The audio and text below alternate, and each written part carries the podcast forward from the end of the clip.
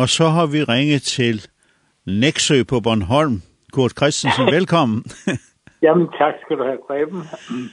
Hvordan er vejret? Vi, vi, I plejer jo at have vinter en gang mellem på Bornholm til denne årstid. Ja, men det er faktisk meget mildt i dag, men det er desværre sådan lidt, uh, lidt overskyet. Vi har haft uh, en pragtfuld uge med solskin og høj luft og, og det var så dejligt, lidt, lidt køligt, men i dag er det overskyet, overskyet men det, det er ikke koldt, og der ligger, der ligger, jeg vil lige sige, desværre ikke noget sne. Nej, Man, der, der brænder så på nethinden nogle billeder fra mig fra min barndom, hvor, hvor ja. sne på Bornholm, det var altså 1 og 2 og 3 meter, altså noget der Ja, ja vi, vi har haft, også i vores tid her, har vi haft nogle gevaldige vinter, vi har haft vinter, så, så jordmøderne de måtte stå på ski for at komme ud og hjælpe folk, og øh, alle mulige øh, vanskelige ting, og hvor min egen indgangsdør var fuldstændig, min bil var fuldstændig væk, og indgangsdøren var helt øh, sned til, så vi har haft altså nogle rigtig gevaldige øh, vintre herover, ikke? Yeah. og, og Inger arbejdede i døgnplejen, og øh, hun forsvandt simpelthen i snedriverne. ja. ja, ja, ja. Det ligger jo sådan øh, derude, øh, altså det kan blive, det kan blive meget sne, jo. Det ja. kan det, ja. ja. Men det var ikke det, vi skulle snakke om. Det er jo, Nej. kan man sige, det nye år, øh, og en, en begyndelse på et nyt år, det, det er altid spændende. Hvad, hvad, siger, hvad siger Herren til dig, Kurt, ind for 2022? Jeg synes, han egentlig så siger han, det samme, som han altid har sagt. altså, ja. altså, ja, nej, det er fordi, jeg, sidder, jeg har en bibelskole øh, hver mandag aften, øh, og jeg sidder sådan set og, og, og forbereder det til i aften, og, det, og, det, og vi, vi, har, vi er gået ind i Johannesskrifterne, øh, og vi kalder det Johannes Passionen, Ja. Og så har vi så har vi brevene og vi har åbenbaringen og Johannes evangeliet. Så så det er noget der fylder meget i det nye testament. men så, så taler vi altså om, om Johannes' kærlighed til Jesus. Ja. Han var den disciple Jesus elsker allermest og så videre. Og så i, i dag så, så har lige det, jeg, jeg har lige lagt uh, skrivemaskinen at uh, det gamle bud, det, det er derfor jeg tænker på, det gamle bud, det er det, jeg har hørt, men det er blevet fornyet. Altså det gamle bud om kærlighed. Det er mm. altså nogle ting, der sviger rundt i mit sind lige nu. ja, ja. Altså, alle andre disciplene, de forsvandt, men ikke ham. Ikke Johannes. Nej, han, nej, han blev, vi regner med, han, han, han, øh, han rejste til Ephesus og, og var biskop der, kan man sige, eller var, var leder og stort set påvirkede øh, alle de syv menigheder i Lille Asien. Og øh, han blev omkring 100 år, ikke? og øh, skrev sine breve der som helt formidable, ikke? og så så kom han til, til Patmos, blev, forvist jo til Patmos, og der, når han kom tilbage igen, så skrev han, det mener man, så skrev han Johannes evangeliet Derfor er det ligesom noget særligt også. Ja, og han står ude ved korset. Ja, han, altså, han står, han, jamen, altså, hans historie er jo helt fantastisk. Han var både i Gethsemane, og han var ved korset, og og øh, Jesus overgiver sin mor øh, i, i hans varetægt. Ja. Altså, øh, det er din mor, og til sin mor sagde han, det er din søn. Ja. Og så tog han Jesu mor, Maria, med hjem, og var sikkert fantastisk god mod hende. Ehm så, og, og så det der kærlighedens apostel. Det, det, vi har blivet vældig meget ved det, at, mm -hmm. at, at han var den disciple, Jesus elskede mest, Eh og, og så vi spurgte hinanden, jamen er der personsansættelse i Jesu mm -hmm. kærlighed? Og øh, så må vi bare erkende, det er der altså ikke. Men de andre anerkendte øh, Jesu kærlighed til ham, men også af hans kærlighed til Jesus. Ja. Det er det, han elskede Jesus med den samme kærlighed, han selv blev elsket med. Ja. Og det er jo en hemmelighed i den åndelige verden, og egentlig tror jeg også, det, det er det Gud vil, at vi elsker ham med den samme kærlighed, vi selv elsker med og vi elsker Jesus med den samme kærlighed, vi selv elsker med ham. Mm -hmm. Ja, det er jo, det er jo begrebet det, at, du, at du, den kærlighed, du modtager, den kan du give tilbage. ja. Den kan du aflevere. Også du modtager kærlighed fra, fra, fra, fra vores frelser, elskede frelser Jesus. Og den ja. kærlighed kan vi give videre ja. til andre. Det er også. Ja. ja men det er også det har vi også tvælet ved. altså det er jo den befaling Jesus gav os ikke? Altså i skal elske hverandre. Og så er det jo at øh, kirke kirkefædrene i Renius og, og hvad de forskellighed de, de var jo på den tid og de de de var de var medarbejdere til Johannes nogle af dem. Altså de var hans lærlinge faktisk. Og de skrev ham hans hans liv og så var en af dem der der skriver om om Johannes, at da han var blevet gammel, og han måtte faktisk bæres ind i menigheden til allersidst. Og så bar de ham ind, og han var helt skrøbelig. Og så sagde han til dem, mine, mine brødre og søstre, jeg har kun et at sige, elsk hver andre, mm -hmm. og det er nok. ja. og, og det er jo, det er jo stærkt, ikke? ja, det er det. Uh, men den kærlighed, som, som du omtaler der, som, som var, var mellem frelseren og, og Johannes, og hele tiden har præget hele tiden Johannes liv. Hvordan er den i menigheden i dag? Altså, det, det er sådan set, øh, øh, vi, vi er nået ind i begrebet synd, og øh, når, når vi nu tager Johannes skrifterne, så tager vi også øh, et af, brevene, og de, og når man tænker på det, at Johannes jo selv havde været rundt i alle menighederne og påvirket dem, så var det vanskeligt til ting, han måtte skrive for eksempel til menigheden i Efesus. Jeg har det imod der du har svigtet din første kærlighed. Og, og også det, han måtte skrive til menigheden i Laodikea, du er hverken varm eller kold, men du, du er lunken, ikke?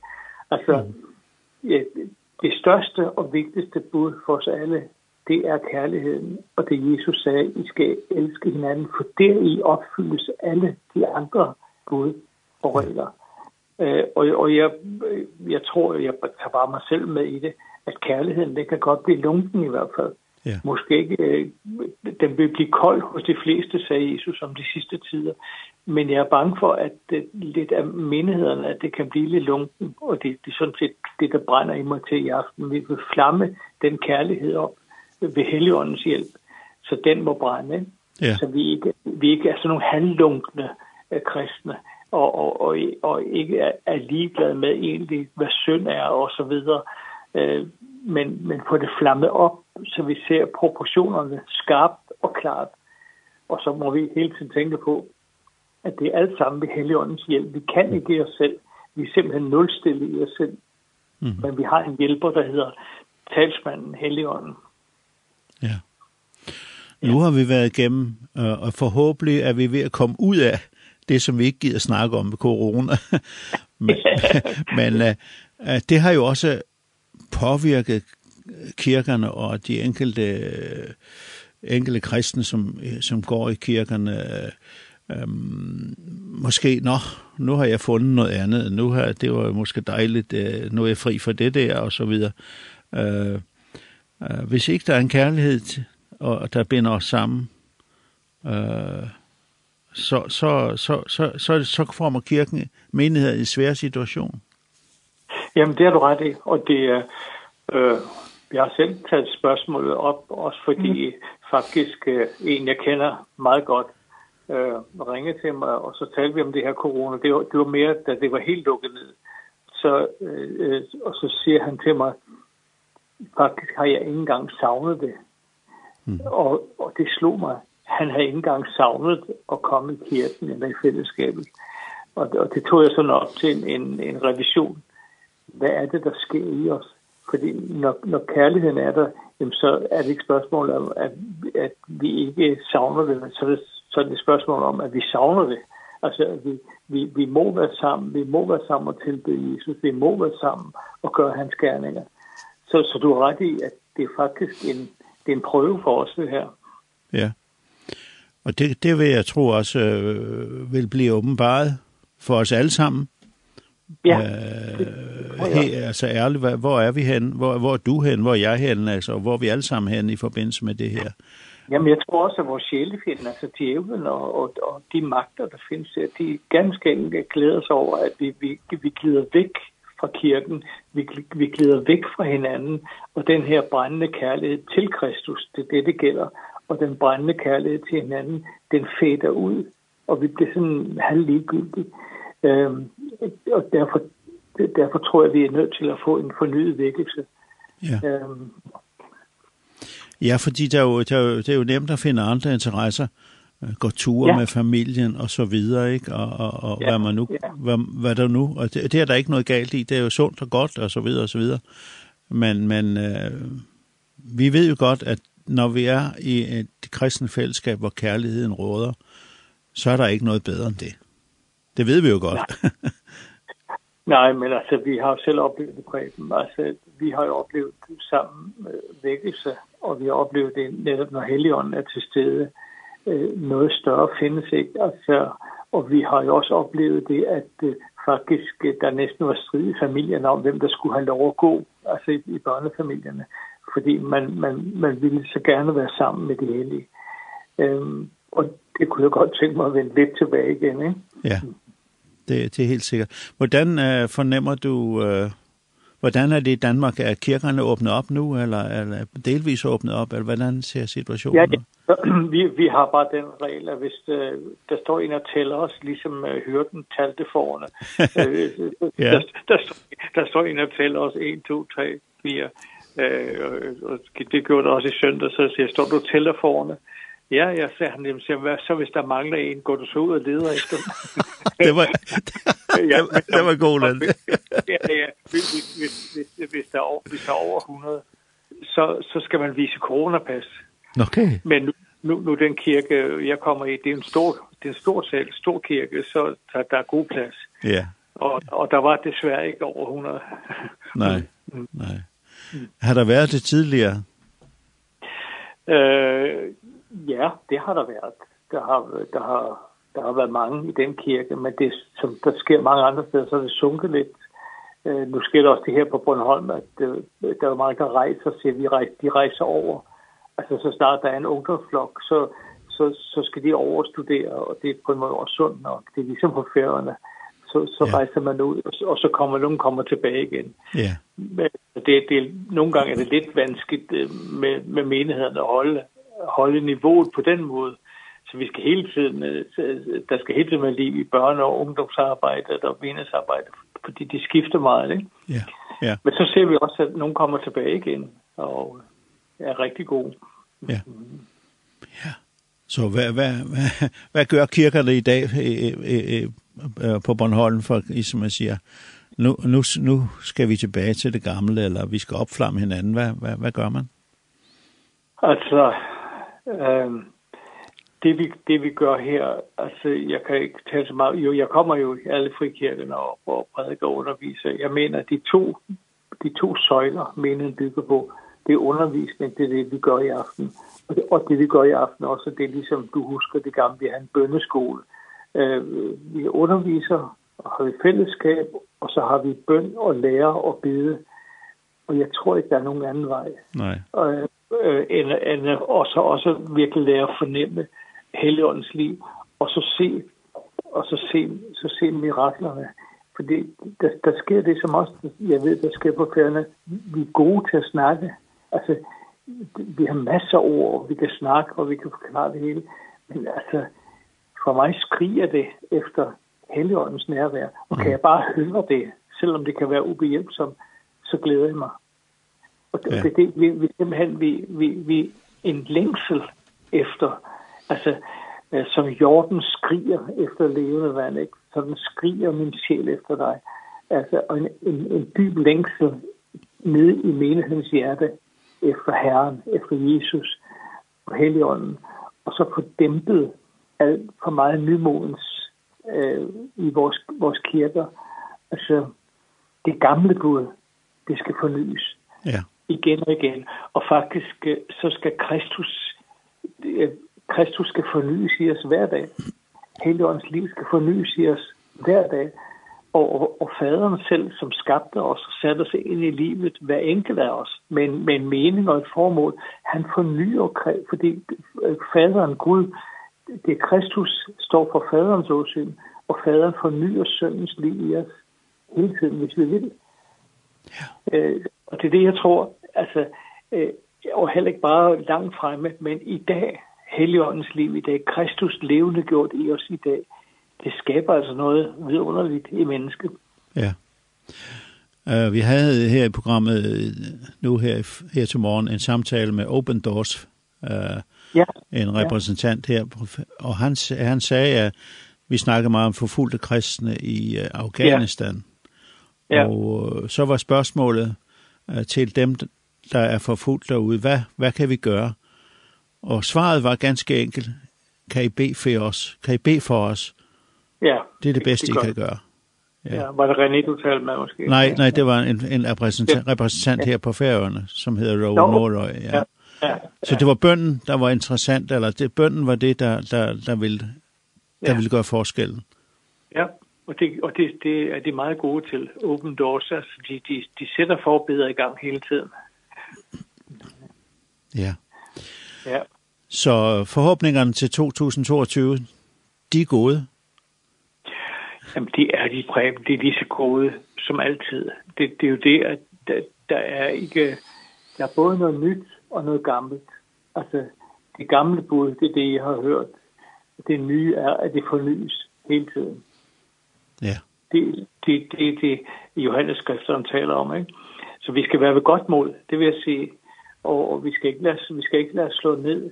Men øh, jeg tror, det er vigtigt øh, igen og igen at søge sammen i det fællesskab også, hvor jeg ved godt, at der kan være masser af problemer, men søge sammen i et åndeligt fællesskab, og bed sammen i kærlighed, uden, uden at hakke hinanden ned for meget øh, med Kristus for øje, så vi adlyder hans befaling. Det tror jeg så er vigtigt i det nye år i os. Ja. Så det er det, der står på tapetet? Ja, det, det er bøn. Det, jeg, jeg, jeg, Ja, nu i aften, så skal vi, så skal vi faktisk så skal vi tale om, øh, fordi det var doketernes lære på den tid der, at, øh, at mennesket egentlig var syndfrit og behøves og, Og derfor behandler øh, Johannes emnet, han siger, hvis den så siger, at han ikke har synd, han bedrager sig selv. Og hvis nogen synder, så har vi en talsmand og så videre. Øh, han, og derfor har jeg tænkt mig, at vi tager simpelthen begrebet synd op. Hvad er synd? Og, og øh, hele det der stærke begreb, og selvfølgelig befrielsen fra synd, og, og livet i Helligånden, og Helligånden, der, der minder os om synd, også i de små detaljer. Det, det, det er noget emnet i aften, og så bliver emnet også til, at hvis vi bekender synder, mm. og så stiller jeg bare spørgsmål, hvem skal vi bekende for? Øh, og der, der er jo, vi skal bekende for faderen, ligesom salme 32, men der hører også noget at bekende synder for hverandre. Og det ved jeg også, du, du kender godt til, at det kan forløse et menneske, når man får talt ud med et andet menneske. Ja. Alt det, det, alt det der vil vi behandle i aften. Ja. Og jeg glæder mig til det faktisk, vi ja. tager det op. Det lyder spændende. Det er bare ja. synd, det er synd, vi ikke kan sende det her jo. ja, det, ja, det, ja, ja, det ja. er det faktisk. Men uh, det, det, er sådan med, det er også meget med dialog, så det, det er ikke rigtig egnet til nej, medierne. Nej, det, nej. Det, det, er, det savner man ja. jo mange gange i kirkerne, den dialogen. Ja. Uh, ja. Jeg kan huske, at uh, vores datter gik i en menighed i London, og så, det var jo det var helt specielt, for det havde vi jo ikke prøvet før. Så var der sådan en flip over, og øh, ja. så holdt, øh, blev der holdt en prædiken på 20 minutter. Og så ja. pludselig så siger præsten der, ja, og hvilke spørgsmål har I så? altså, sådan, nå. ja. Og så noterede han det ned. Ja, er der flere, ja. flere. Så var der en 5-6 spørgsmål, og så siger hvad synes I? Nu havde vi det spørgsmål. Har nogen, der har et svar? altså, ja, ja. Det var jo det var faktisk utrolig godt. ja, sådan, sådan gør vi også her. Altså, vi, vi, yeah. jeg, jeg spørger, hvad siger I om det, og så er der også nogen, jeg giver dem lektier for, det er en skole, ikke? Altså, ja. øh, og, og stil gerne spørgsmål, skriv det til mig, og så videre, så ja. behandler vi det. Vi har ja. behandlet mange spørgsmål, også om corona, og også om, om nogen, der hænger fast i, om det er antikristtegn, og oh, også ja. med Ja. Også med vaccinationer, om skal man det, Og alle sådan spørgsmål, det tager vi op åbent, ja. og selvfølgelig alle, alle religiøse spørgsmål. Og, og jeg tror, det er, det er så rigtig godt, at man taler sammen, og der er en vejledning, også i den sunde lære. Ikke? Ja. Tak for, at I kunne ringe dig op. Endnu en gang. Fint. Men det, ja. vi kom, det gør vi nok igen. ja, så have en god aften, og, og god velsignelse jer på Bornholm. Ja, og god velsignelse til alle ja. herfra. Hej, hej. Hej.